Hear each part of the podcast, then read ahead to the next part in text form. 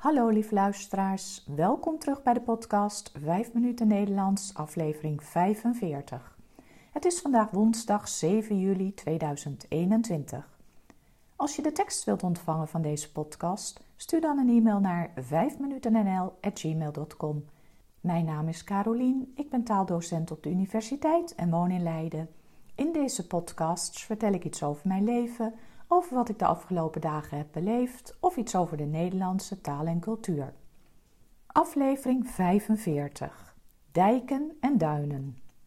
Nederland is een waterland. In het noorden heb je de Waddenzee en in het westen de Noordzee. Ook zijn er veel grote rivieren, zoals de Rijn, die vanuit Zwitserland regenwater en smeltwater van de sneeuw naar de zee laat stromen.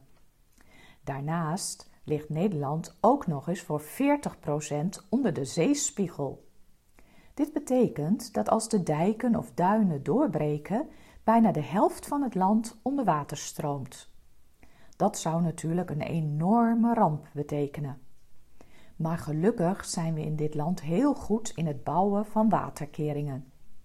Er is in Nederland meer dan 3000 kilometer aan waterkering in de vorm van dijken en duinen, om ons te beschermen tegen het water van de zee en de rivieren.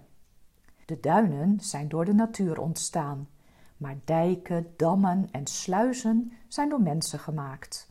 De grootste dam in Nederland is de Afsluitdijk, die de provincies Noord-Holland en Friesland met elkaar verbindt. De Afsluitdijk is wel 32,5 kilometer lang. In 1953 ging het helemaal mis met de watersnoodramp. Toen zijn de dijken in het zuidwesten van Nederland doorgebroken door een hele harde storm en zijn grote delen van Zeeland onder water gelopen. Meer dan 1800 mensen zijn toen verdronken en nog veel meer mensen die hun huis kwijt waren. In 1995 ging het weer bijna mis bij de grote rivieren. Het water in de rivieren kwam toen zo hoog dat er water door de dijken heen kwam sijpelen op zwakke plekken. Gelukkig heeft men toen een ramp kunnen voorkomen en is er veel geld vrijgemaakt om die zwakke plekken in de dijken te verbeteren.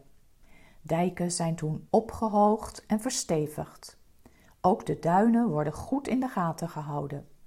Zo is het belangrijk dat er helmgras groeit op de duinen, zodat de wortels van dit gras ervoor zorgen dat de duinen stevig blijven en het zand niet allemaal kan wegwaaien in een storm.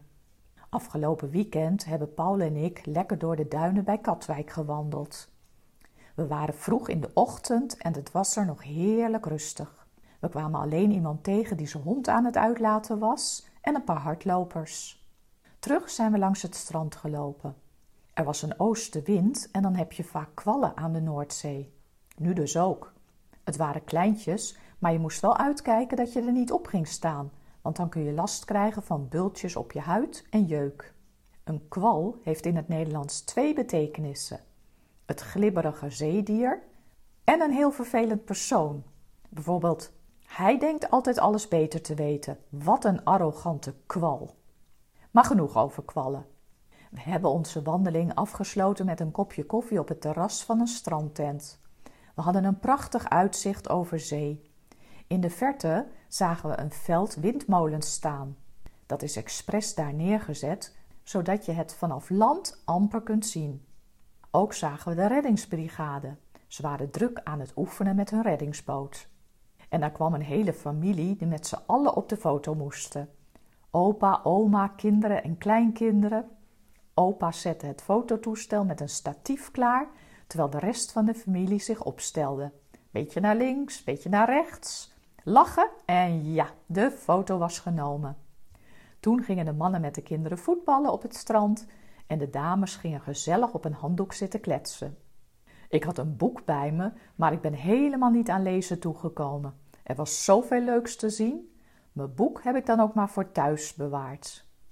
Dit was het weer voor vandaag. Veel dank voor het luisteren. Ik wens jullie een hele fijne week en tot de volgende keer.